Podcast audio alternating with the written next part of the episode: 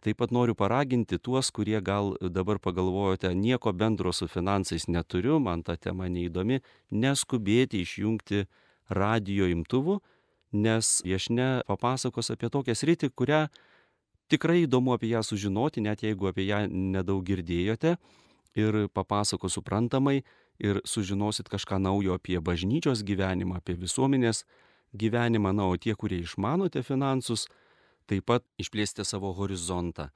Taigi noriu pasveikinti, gerą matyti Mariją.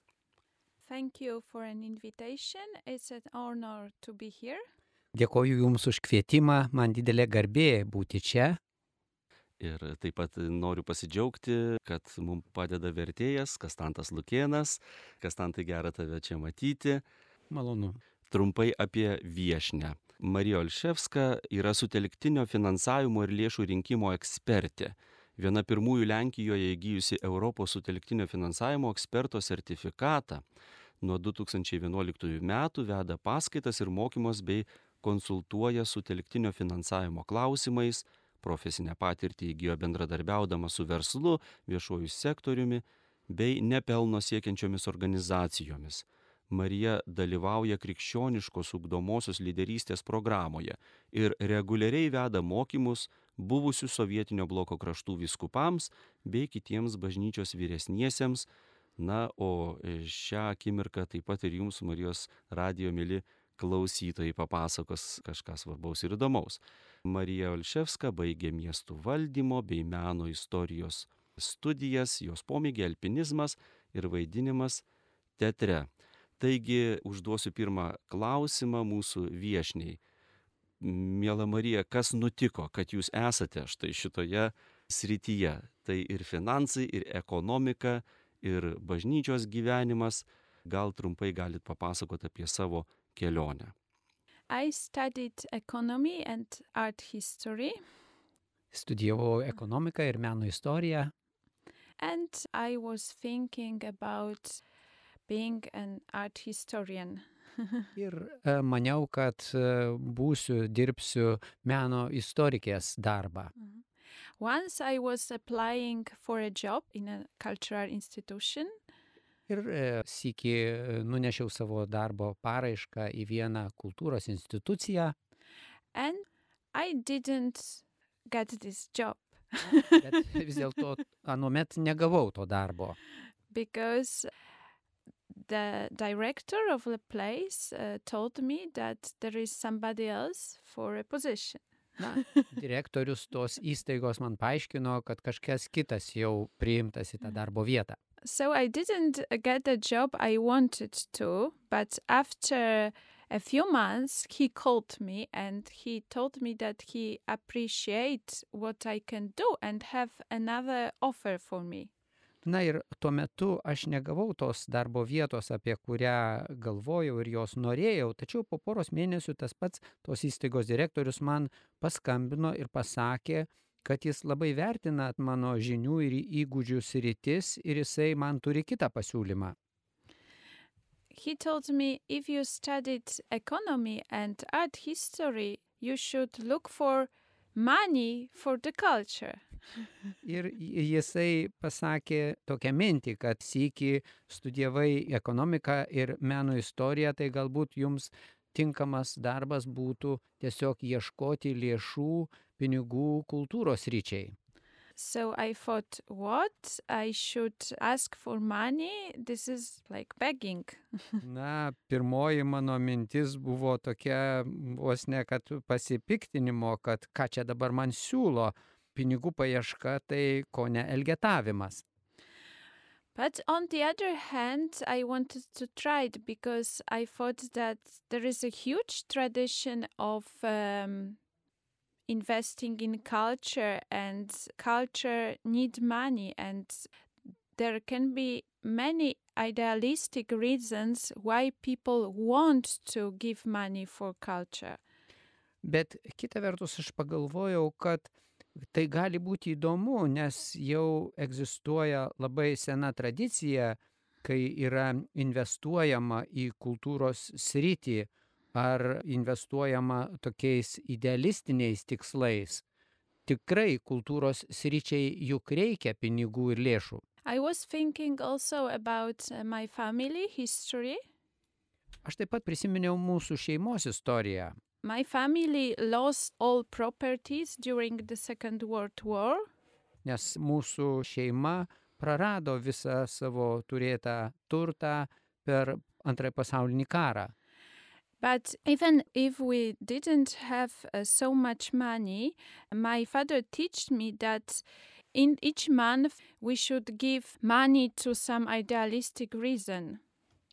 Tačiau, kai augau šeimoje, mūsų šeimoje nebuvome turtingi, bet nepaisant to, mano tėvas, tėvelis mokė, kad kiekvieną mėnesį mes turime skirti iš savo biudžeto, savo turimų pajamų tam tikrą kiekį pinigų kokiam nors idealistiniam tikslui. Because he was taught that by his family. Nes mano tėtis šią tradiciją buvo perėmęs iš savo šeimos. So my first thought was also that now in our part of the world, in post-Soviet countries, Taigi mano mintis buvo tokia, kad dabar pasibaigus komunistiniam režimui mūsų toje pasaulio dalyje, kurį sudaro vadinamos postkomunistinės šalys, there is a good moment to reconstruct our philanthropy traditions. ir tikrai yra geras laikas vėl iš naujo atkurti filantropijos tradicijas. And for me, looking for money for culture uh, and for other goals I worked for later uh, started to be like a matter of creating a community around something. It's not begging, it's creating community around an idea. Tada mano tame darbe, kuris prasidėjo nuo kultūros e, finansų išteklių ieškojimų kultūrai ir vėliau išsiplėtė į kitas sritis, pasirodė, kad tas darbas anaip tol nėra elgetavimas, bet šio darbo esmė yra kurti bendruomenę susitelkusią kokiam nors idealistiniam tikslui. For me, very important thing is also that I have met a Focolare movement when I was a child, Catholic movement. Ir mano gyvenime svarbus dalykas buvo tai, kad aš dar būdama vaikas susidūriau su katalikišku fokoliarų judėjimu. Mhm. And Focolare is a movement which is based on these um, first Christian ideas on how to create the community. Fokoliarų judėjime yra remiamasi pirmųjų krikščioniškųjų bendruomenių patirtimi, būtent kaip kokie dalykai kūrė bendruomenę. For example, people from the movement pay some money to contribute to the common fund. Pavyzdžiui, fokoliarų judėjimo nariai aukoja pinigus, kurdami kažkokius tai bendrus fondus. But then this money is distributed between all people. Iš tų fondų yra po to lėšos paskirstomos visiems žmonėms. So nobody remains without food Taigi išeina taip, kad niekas nelieka be maisto, and without help. visiems yra teikiama pagalba. This movement was created by Chiara Lubich during the Second World War. Šį fokoliarų judėjimą įkūrė Kiara Liubik antrojo pasaulinio karo metais. And she promoted life really connected to Vangelo. Ir jinai, Kiara Liubik, jos dvasingumas rėmėsi Evangeliją. So, turning back to why do I do what I do? Taigi vėl grįždama prie jūsų užduoto klausimo, kodėl aš užsimu tuo, ką dabar darau, there are different different causes of that. yra, yra tokios, na, įvairios priežastys. Okay, so now I'm really happy to be here to exchange my experience with you and also to meet people in Lithuania who really want to do things together. Ir tikrai dar kartą džiaugiuosi galėdama būti čia ir e, labai norėjau čia atvykti ir pasidalyti su jumis savo patirtimi ir džiaugiuosi, kad galime kažką daryti drauge. Taigi gal tuomet galim išgirsti kažką apie tą lėšų kėlimą. Norėtume sužinoti kažką apie tą sutelktinį finansavimą ar kitaip vadinamą fundraising. Kas tai yra ir kaip tai vyksta? Starting from the vocabulary issues. Taigi pradėkime nuo pačių savokų terminų išsiaiškinimo. In Poland, we use a word fundraising. Lenkijoje mes šį būdą vadiname fundraising angliškų terminų. It is used um, like other words from other languages, for example, marketing of or philanthropy. Ir šis svetimkalbis žodis yra vartojamas taip panašiai, kaip pavyzdžiui vartojamas žodis marketingas ar filantropija, kurie yra kitų kalbų žodžiai. So it is now a part of Polish vocabulary. Taigi tai dabar jau tapo mūsų lenkų kalbos žodino dalimi šie žodžiai. So probably in Lithuanian you can use the same word, fundraising. Tai e, galbūt e, lietuviškai dabar kalbėdami mes e, galime tą pačią savoką vartoti fundraising. And what fundraising means? Ką reiškia tas fundraising? It's looking for funds via asking private people, business owners, and public institutions for funding social issues. Galime būtų jį apibūdinti taip. Tai yra finansavimo išteklių paieška kreipiantis į privačius asmenis, verslo atstovus ar į viešasias institucijas ir ieškant finansavimo kažkokiem tai socialiniams projektams, socialiniams tikslams. Sometimes it can also include running a business activity, but in a way that a profit from this business activity goes to social. Kartais tai gali būti vykdoma ir tokiu būdu, kad yra vykdoma kažkokia tai verslo veikla, ekonominė veikla, tačiau tos ekonominės ar verslo veiklos pajamos yra naudojamos tiems numatytiems socialiniams tikslams. Okay, so what does it mean? Taigi, vėlgi, ką tai reiškia? Fundraising is organizing different events, inviting people to give money for something which is important for them. Tai reiškia organizuoti tam tikrus įvykius ir kviesti žmonės aukoti pinigus tiems tikslams, kurie atrodo jiems svarbus. And money is not the most important thing in fundraising. Ir šiame dalyke, kurį mes dabar aptarėme, tame fundraisinge, pinigai nėra pats svarbiausias dalykas. Most important thing is creating relations around certain values. Svarbiausias dalykas yra kurti žmonių santykius susijusius su tam tikromis vertybėmis. You can fundraise for charities, fundraise for really serious things like hospices or for refugees. Galima vykdyti tą fundraisingą ar telkti, kurti tuos ryšius siekiant karitatyvinių tikslų kokiems nors dideliems projektams, tokiems kaip hospisas ar pavyzdžiui migrantų reikmėms.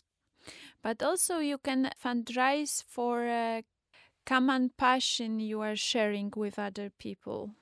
Tačiau fundraisingas taip pat gali ir apimti kažkokias tai bendras veiklas, bendrus pomėgius, kurie yra būdingi tam tikroms žmonių grupėms.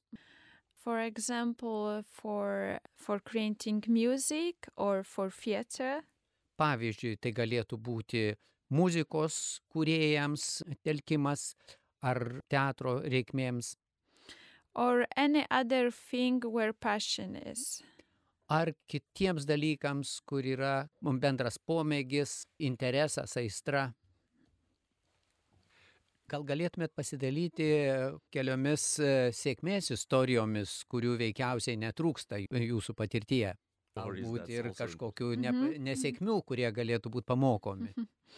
Okay, I can tell about both of them. Ja, šiuos abu atvejus mielai pa- pasidalysiu.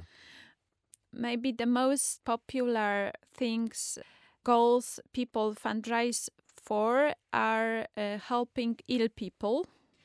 Galbūt viena iš populiariausių sričių, kuriuose reiškiasi tas sutelktinis finansavimas ar, ar fundraisingas, tai yra stengiamasi padėti ligonėms. Mhm. I remember the situation a friend of mine he had this a moment is in his life when he had to fundraise 140,000 Polish zlotys in 4 days. Ir aš atsimenu vieno iš mano bičiulių atvejį, kai jis tiesiog jam reikėjo surinkti 140 tūkstančių zlotų per keturias dienas. to save his life. Ir būtent tie pinigai buvo reikalingi, galėjo išgelbėti jo gyvybę. So we uh, helped him and we organize crowdfunding for that. Ir štai mes, jo bičiuliai, jam padėjome ir pasitelkėme tokią strategiją, kuri angliškai vadinasi crowdfunding. Crowdfunding means that we used internet platform. Dabar paaiškinkime, ką reiškia ši savoka. Tai reiškia, crowdfunding yra vykdoma pasitelkiant interneto platformą. we put there a description of the situation. Internete mes patalpiname tos situacijos aprašymą. And we uh, send a link to this internet collection ir patalpiname jungti nuorodą, kur galima pervesti tą internetu daromą rinkliavą. to different groups of people connected to our friends, like family, friends from school, friends from his place of work. Ir tuomet mes tas interneto nuorodas persiunčiame žmonių grupėms, kurios yra susijusios su šiuo asmeniu, pavyzdžiui, jo šeimos nariams, jo mokyklos draugams, draugams. So he managed to collect this money, but he told us that money was not uh, the most important thing. The most important thing for him is that he received uh, positive energy from people and he managed to survive because he received something much more. Ir tuomet tam mano bičiuliui pavyko surinkti reikiamą sumą, tačiau jis po to pasidalijo, kad e, ne pinigai buvo svarbiausias dalykas. Svarbiausias dalykas per visą tą akciją buvo tai, kad jis pasisėmė, gavo daug pozityvios energijos, kuri jam po to padėjo išsaugoti sveikatą ir gyvybę. This is an example of a more like private thing. E, Štai mano pateiktas pavyzdys būtų būdingas tokias privačios sferos atvejui. But of course, I work with non-profits, cultural and, and educational institutions. Tačiau man taip pat tenka dirbti su nevyriausybinėmis organizacijomis, nepelna siekiančiomis, kultūrinėmis institucijomis. And they raise money in different ways. So I can give other examples. O šios institucijos telkia lėšas įvairiais būdais ir aš galiu paminėti keletą pavyzdžių. For example, one of the organization I work with as a consultant, Pavyzdžiui, vienoje iš institucijų aš dirbu kaip konsultantė. as they are running the biggest uh, platform in Poland, uh, which informs students and not only students but young people who want to educate well. They inform these people about different possibilities of education in Poland but and also abroad. So they are looking for funds for this platform. Kaip minėjau, dirbu konsultantė tokioje institucijoje, kuri prižiūri interneto platformą skirtą studentams ir jaunimui, siekiantiems gauti gerą išsilavinimą tiek Lenkijoje, tiek užsienio šalyse. Ir štai tie žmonės kaip tik telkia lėšas, kad galėtų ta jų platforma funkcionuoti. And they are quite uh, successful in uh, cooperating with business. Ir štai šiai platformai labai sėkmingai sekasi bendradarbiauti su verslo atstovais, because they have this platform for uh, young people and for people who are uh, talented who want to earn uh, learn more nes adresatų grupė yra jaunimas, yra talentingi žmonės, siekiantis daugiau sužinoti, išmokti. Mhm. so probably different business owners are interested in uh, funding that because in the future they want to have interesting uh, workers yes employees Tikėtina, kad verslo atstovams jiems visai įdomu prisidėti, finansuoti tą platformą, nes jie numano, kad ateityje iš tų jaunų žmonių, talentingų žmonių užauks jiems taip pat ir darbuotojų.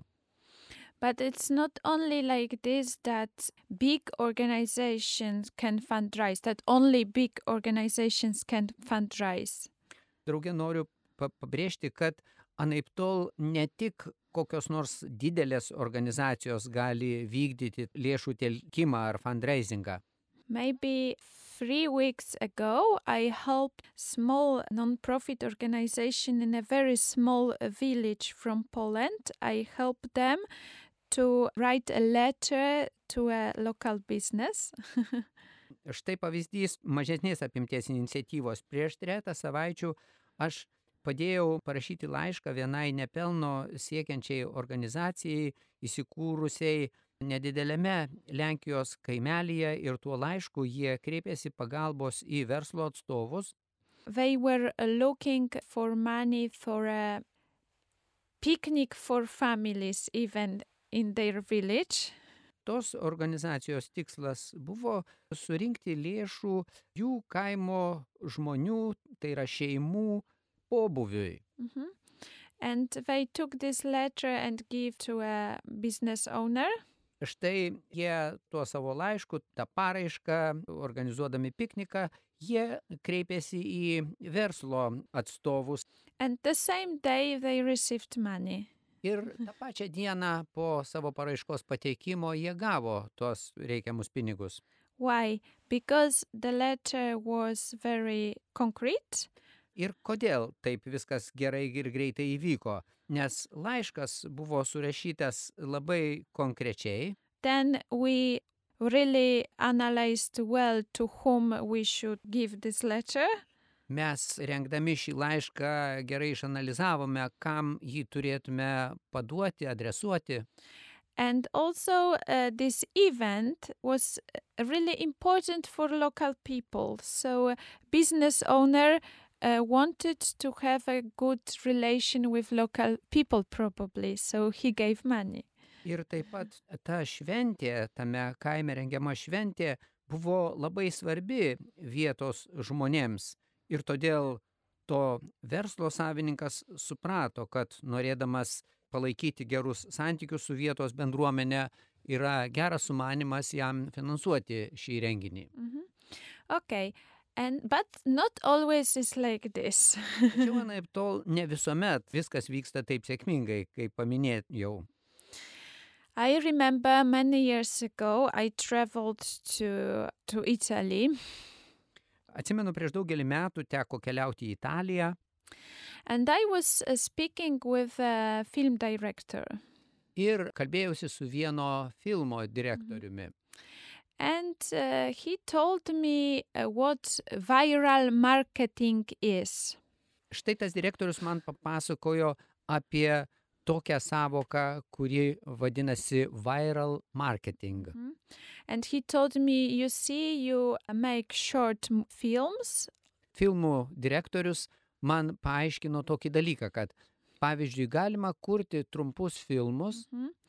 and um, you can use your own smartphone ir tą galime kurti tuos filmus, galime net savo išmaniaisiais telefonais. uh, that it seems to be natural, authentic, even if you prepare the whole scenario before. Ir tas e, telefonu nufilmuotas filmas e, atrodys labai natūraliai ir autentiškai, paisant to, kad galbūt iš anksto jūs būsite jau pasirengę jam savo scenarijų e, surašę ir apgalvoję iš anksto. Uh, you put it in the internet, Ir štai toks filmukas yra įkeliamas į internetą and if it's something interesting, people will share it in the internet. Ir jei žmonėm pasirodys įdomus tas filmukas, jie pasidalys jį internete su kitais. And that's viral marketing. Ir štai toks reiškinys, kai internete dalyjamasi kokiais nors e, pranešimais, Mhm. filmukai ži- žiniomis ir yra vadinamasis viral marketing. So I didn't think twice. Taigi aš ne- ilgai negalvojau And in that period, I was looking for funds for a non-profit in other small village in Poland. Nes tuo metu aš kaip tik rūpinausi, mm, ieškojau finansavimo e, kitai nepelno siekiančiai e, organizacijai Lenkijoje. And this non-profit was organizing uh, sport uh, activities uh, for children in villages around. Ta nepelno siekianti organizacija organizuodavo sportinius renginius apylinkių kaimų vaikams. Mhm. And sometimes uh, sport was the only alternative for these young people because there is not too much to do there. So, or they were drinking alcohol or taking drugs, or they were into sport. So, it was quite important there. Ir tame Lenkijos regione tų apylinkių jauniems žmonėms nelabai buvo kitų alternatyvų. Arba jaunimas galėjo pasirinkti arba sportuoti, arba alkoholį ar narkotikus. So I thought, let's use viral marketing and fundraise like this for this non-profit. Taigi aš pagalvojau, kad va kaip tik gera proga pasitelkti tą viral marketing idėją ir internetu ieškoti lėšų šiai iniciatyvai. Mhm. So me and a friend of mine, we convinced uh, very famous people from Poland to make, to prepare short films about this non-profit. Ir štai mes, mums e, ir kitiems bičiuliams pavyko įtikinti labai žinomus tokius Lenkijos žmonės pagaminti keletą filmukų, kuriais būtų informuojama apie šią nepelno siekiančią organizaciją ir jos veiklas. For example, one rock musician, other dean of the university from Gdańsk, and uh, for example, local police, different different people, really. Ir štai tarptų visuomeniai gerai žinomų žmonių buvo pavyzdžiui vienas roko muzikantas, kitas fakulteto dekanas ar vietos žinomas e, policijos atstovas. so it was really nice because we created a interesting situation around the activity of this sport non-profit. Ir tai buvo tikrai labai įdomu ir patrauklu, nes mums pavyko apgaupti šią nepelno siekiančios organizacijos visą tą veiklą įvilgti į tokį labai įdomią aplinką. But we didn't uh, collect too much money because in that period I had no idea how internet works. Tačiau kita vertus, anuomet su šia tokia įdomia iniciatyva mums nepavyko surinkti e, didesnės pinigų sumos, nes anuomet aš dar nelabai gerai permaniau interneto ve- veikimo principus. So I didn't have knowledge on how to use this opportunity that so many interesting uh, people joined my fundraising campaign. Taigi anuomet aš dar nepajėgiau ir nemokėjau išnaudoti tos didelės galimybės, būtent to, kad tiek daug žinomų visuomenėje žmonių įsijungė į šią mano fundraising sutelktinio finansavimo iniciatyvą. But anyway, I think these young people who were part of uh, this sports club Na ir vis dėlto nepaisant to, tie jauni žmonės, kurie kaip tik dalyvavo vietinėme sporto klube, were happy that these famous people joined the Ye- campaign. jie vis tiek buvo labai laimingi, kad tokie visuomeniai žinomi žmonės įsijungė į jų organizuotą iniciatyvą. But you still need money, so it is important that when you organize a fundraising campaign, you really think twice what to do to have this money. Tačiau vis dėlto pinigai yra taip pat svarbu. Taigi, jeigu mes kažkokią tai organizuojame fundraisingo kampaniją, iniciatyvą, tai turime gerai pagalvoti, kad per ją taip pat būtų sutelkta lėšų, nes pinigai yra svarbu. Jūs davėte pavyzdžių iš nepelno siekiančių organizacijų, o kaip yra su bažnyčia ir bažnyčios institucijomis? Ar lėšų ir finansavimo telkimas bažnyčios iniciatyvoms yra kaip nors specifinis, ar jis panašus? Maybe it would be interesting to look at church in a larger perspective.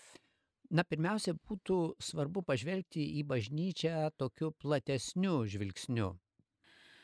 I will give an example. Duosiu tokį pavyzdį. Once I was uh, working as a consultant with fundraiser from big international organization.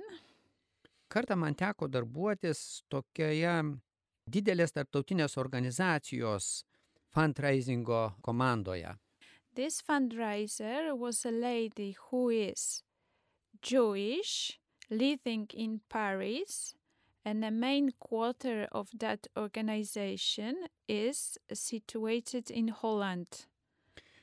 Na ir tos tarptautinės organizacijos pagrindinė jos iniciatyvos organizatorė buvo Paryžiuje gyvenanti moteris žydė, o tos e, tarptautinės organizacijos pagrindinė būstinė buvo Olandijoje. Mhm. They are fighting against children pornography. Tos tarptautinės organizacijos pagrindinė veikla buvo kova su vaikų pornografija. Around the whole world. For example, they collaborate with Interpol, etc. Ir jų veikla buvo išplitusi visame pasaulyje. Tai apėmė taip pat bendradarbiavimą su Interpolu ir kitomis institucijomis. And she told me, you know that in some parts of the world, the only non-profits which collaborate with us and are interesting in helping are Christian and Catholic non-profits. Ta moteris man pasakė, kad įdomų dalyką, kad daugelį pasaulio šalių kitos nepelno siekiančios organizacijos, kurios nori bendradarbiauti su jais, štai siekiant to kovoti su vaikų pornografija, yra būtent krikščioniškos organizacijos, katalikiškos organizacijos.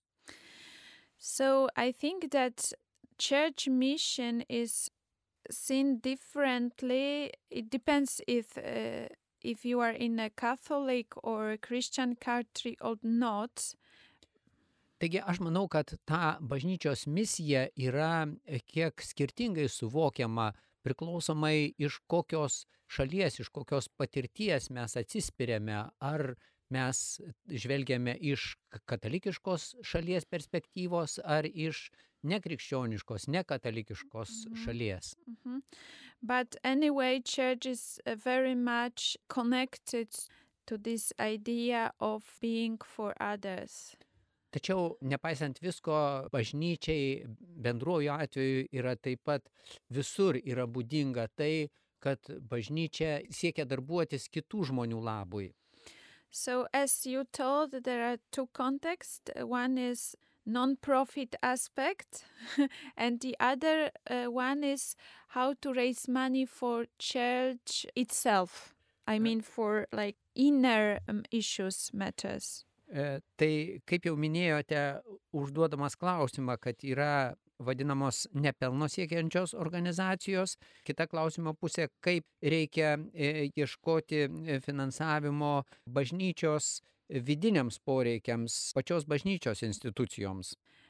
And I think it's very important to, if you raise money for church issues, it's very important uh, have in your mind to first of all inspire others. Ir aš manau, kad labai svarbu, ieškant finansavimo bažnyčios e, institucijų reikmėms, rasti būdų ir įkvėpti kitus žmonės šiai iniciatyvai. Because sometimes fundraising campaign from church are like from 300 year, years ago. Deja, dažnai bažnyčioje finansavimo išteklių ieškojimas primena tokias iniciatyvas, kurios buvo vykdomos gal prieš e, tris šimtmečius. And if we want to inspire others, we should use also modern methods. Jei norime kažkaip įkvėpti platesnį ratą žmonių, mes turime ieškoti taip pat šio laikinių metodų. For example, siostry karmelitanki, Pavyzdžiui, seserys karmelitės, which anyway they don't leave their place because they are zakon klauzurowy. So uh, they can't fundraise in the street, in the front of the church, for example. I- Imkime pavyzdžių e, seseris karmelitės gyvenančias klauzūroje, uždaro tipo vienuolyną. Šios seserys, kontemplatyvios seserys, jos gyvendamos uždarą gyvenimą negali ieškoti finansavimo eidamos kažkur į gatves. So a group of sisters from Poland, these sisters, Taigi Lenkijoje buvo taip, kad šių seserų karmeličių grupė seserų they prepared a beautiful fundraising website. Ir štai grupė tų kontemplatyviųjų ses, vienuolių seserų įsteigė fundraisingo platformą internete, with quite funny graphics showing them graphics with these sisters. Jie toje interneto platformoje buvo tokiais labai šmaikščiais, e, juokingais piešinėliais atvaizduotas tų seselių karmeličių gyvenimas. Just to fundraise for a roof because their place was very old and their roof uh, was not good anymore so they need money O lėšų telkimo tikslas buvo tiesiog e, stogo remontas, nes jos gyveno, jų vienuolynas buvo įsikūręs labai sename pastate ir būtinai reikėjo naujai perdengti stogą. And they prepared so funny graphics that people were sharing this among catholic media and among social media Ir štai jų paruošti piešinėliai buvo tokie simpatiški, mėly, juokingi, kad e, daug žmonių jiems patiko tie piešinėliai ir jie dalyjosi jais e, socialiniuose tinkluose per katalikiškas žiniasklaidos priemonės. And they managed not only to renovate the roof, but the whole building because this was really nice, funny, and well prepared and well shared. Ir štai toms seselėms pavyko sutelkti finansavimo, kurio pakako ne tik stogo remontui, bet ir viso pastato remontui.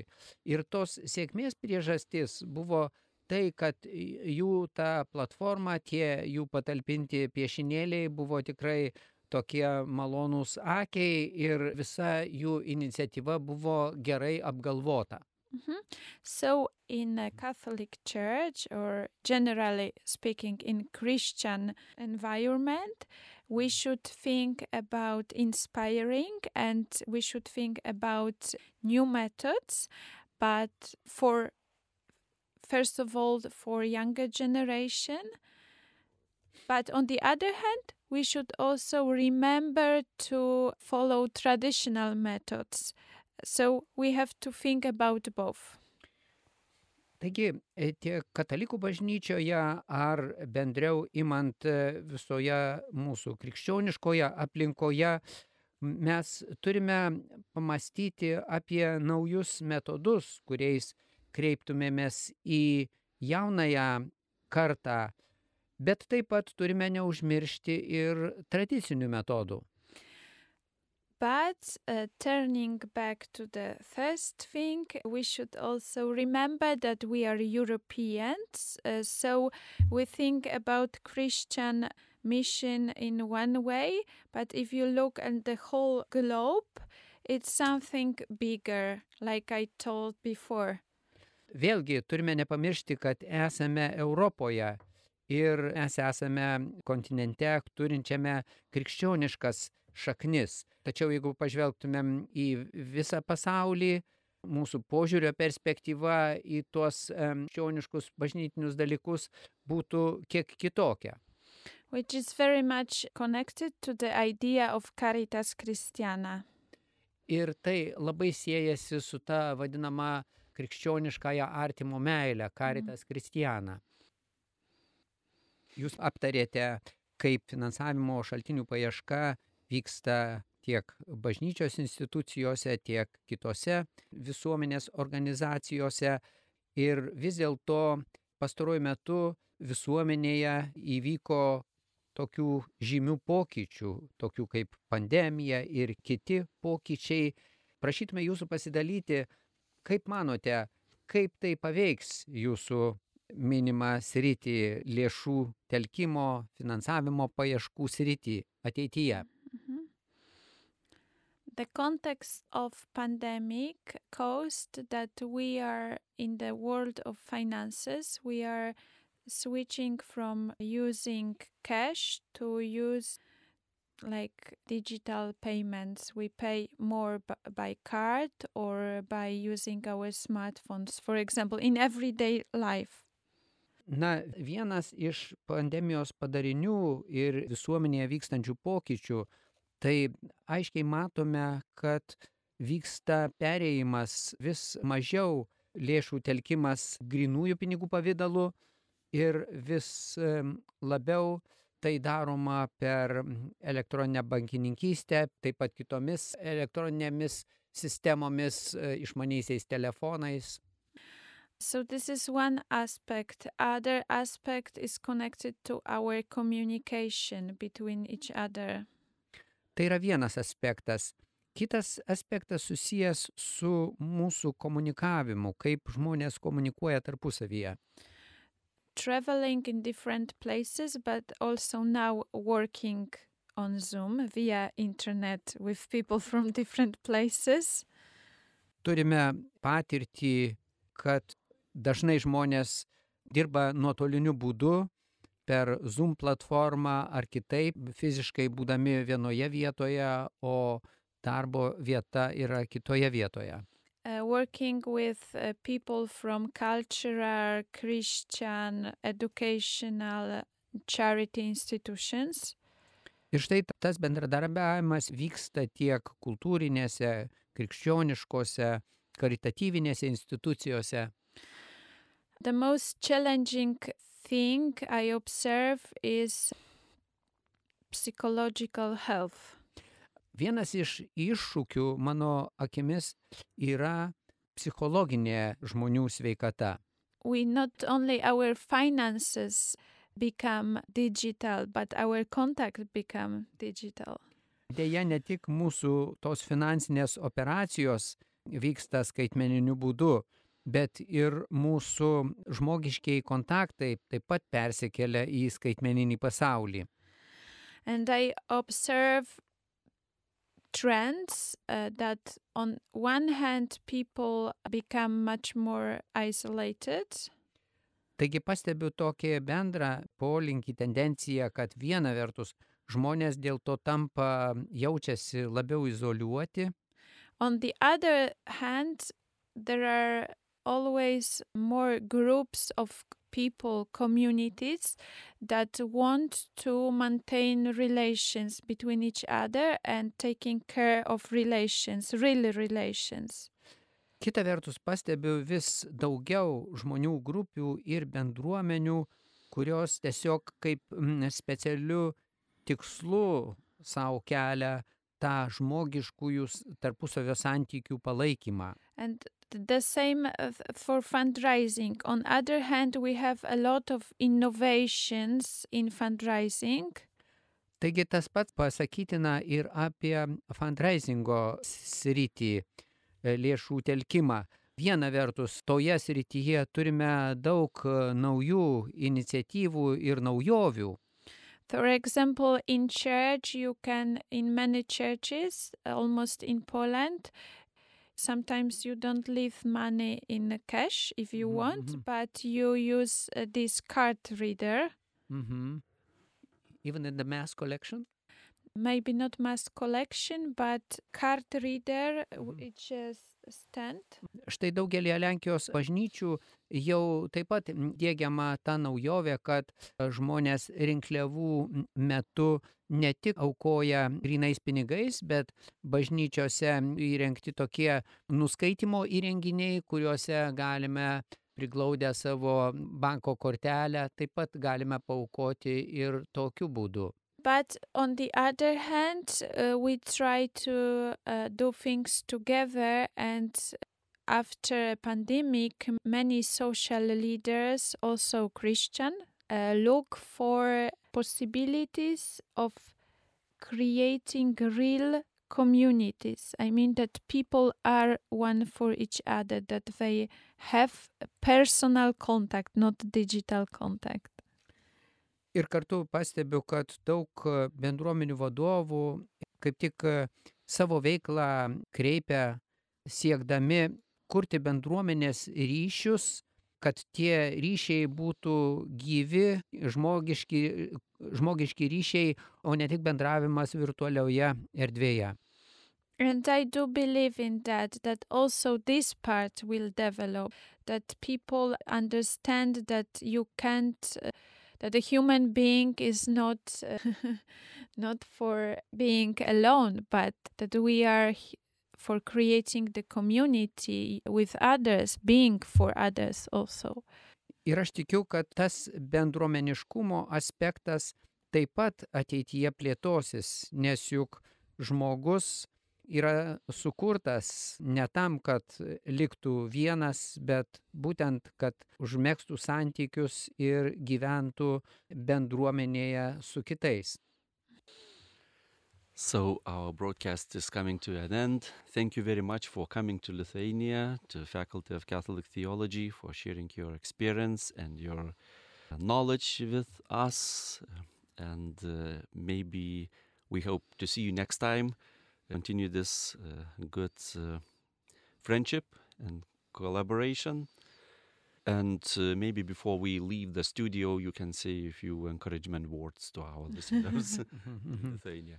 Dėkojame Jums u- už tai, kad apsilankėte Lietuvoje, tikimės, kad tai ne paskutinis kartas. Dėkojame už tą galimybę bendradarbiavimą su mūsų katalikų teologijos fakultetu ir galbūt baigdami mūsų pokalbį norėtume prašyti Jūsų keleto to apibendrinančių ar padrasinančių žodžių.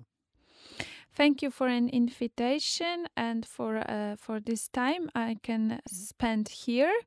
I'm really ho- honored also to be not only in Lithuania but also in Kaunas. This is a cultural city. Dėkoju dar kartą už pakvietimą ir man didelė garbė viešėti Lietuvoje, taip pat Kaune, kul- kuris yra dabar toksai ypatingas kultūros miestas. And I really enjoy being here. Man labai tikrai patinka čia būti. Mhm. For me, as a person who has this possibility to work in uh, in this part of Europe, in post-Soviet countries, Man e, dirbančiai šiame Europos regione, tų po komunistinių šalių regione, it's very important that uh, we collaborate with each other, our countries. man atrodo, kad labai svarbu, kad mūsų šio regiono šalis bendradarbiauja tarpusavyje. Not only when we have a common enemy, but also uh, that we have a common things to do because because we are neighbors and we we can exchange, we can learn from each other. Ir tas mūsų bendradarbiavimas svarbu, kad jis tęstųsi ne tik tuo met, kai mes turime kažkokį bendrą priešą, tačiau kad tas bendradarbiavimas tęstųsi ir taip pat siekiant kitų bendrų tikslų, bendrų užmojų ir dalytis, turime dalytis savo patirtimi. Now I try to learn more Lithuanian context, and for me, it's really something that enriches me. Ir štai būdama čia, aš džiaugiuosi galėdama daugiau sužinoti apie jūsų lietuvišką kontekstą, Lietuvos kontekstą ir ta patirtis, žinoma, mane praturtina. Mhm. And about fundraising, I wish to all our uh, listeners that they are part of beautiful communities, local communities, and global communities. Ir štai vėl grįždama prie mūsų finansavimo šaltinių paieškos ar kitaip vadinamos fundraising temos, aš linkiu, kad visi mūsų klausytojai galėtų dalyvauti, gyvai dalyvauti gražiose bendruomenėse, gyvose bendruomenėse. and my experience tells me if you need money for a social idealistic reason, the most important thing is to inform others that you need money and for what. Really, sometimes only inform in a correct way because if you don't inform, you don't receive. Ir apibendrindama galiu pasidalyti tokią įžvalgą, kad jeigu jums reikia pinigų kokiam nors idealistiniam, socialiniam projektui, tikslui, tai jums svarbiausia tik informuoti kitus. Ir būtent informuoti visuomenę apie savo sumanimo tikslą ir kad tas informavimas, kad tai būtų tinkamas informavimas. So sometimes we are ashamed, but it's really, it does not have a sense to be ashamed of informing about our values and good things that we have to do. Deja, kartais mes tarsi susigėstame, tačiau tikrai neturėtume gėdytis informuodami visuomenę apie savo vertybės ir apie savo tikslus, ko mes siekiame vienu ar kitu užmoju. Okay, so let's uh, inform each other what you are doing and share with others what's important for you. Taigi informuokime vieni kitus apie tai, ką darome ir taip pat informuokime kitus apie savo vertybės, kas mums yra svarbu. And have a lot of money.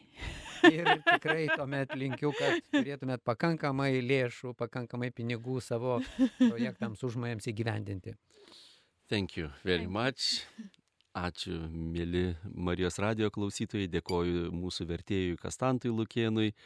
Taip pat prisidedu prie šito palinkėjimo ir nuotaikingo, bet iš tikrųjų labai praktiško ir tikro, kai turi gerų idėjų ir e, svajonių gražių, tikrai reikalinga ir, ir rasti palaikymą ir finansavimą toms svajonėm įgyvendinti. Primenu Jums, kad čia laidoje viešėjo Marija Olševska, viešinė iš Lenkijos, sutelktinio finansavimo ir lėšų rinkimo ekspertė, kuri neseniai Katalikų teologijos fakultete buvo pagrindinė seminaro apie krikščioniškų iniciatyvų finansavimo galimybės vedėja. Ir laidą vedžiau aš, Benas Ulevičius, Katalikų teologijos fakulteto dekanas. Likite su Dievu, likite su Marijos radiju, su Dievu.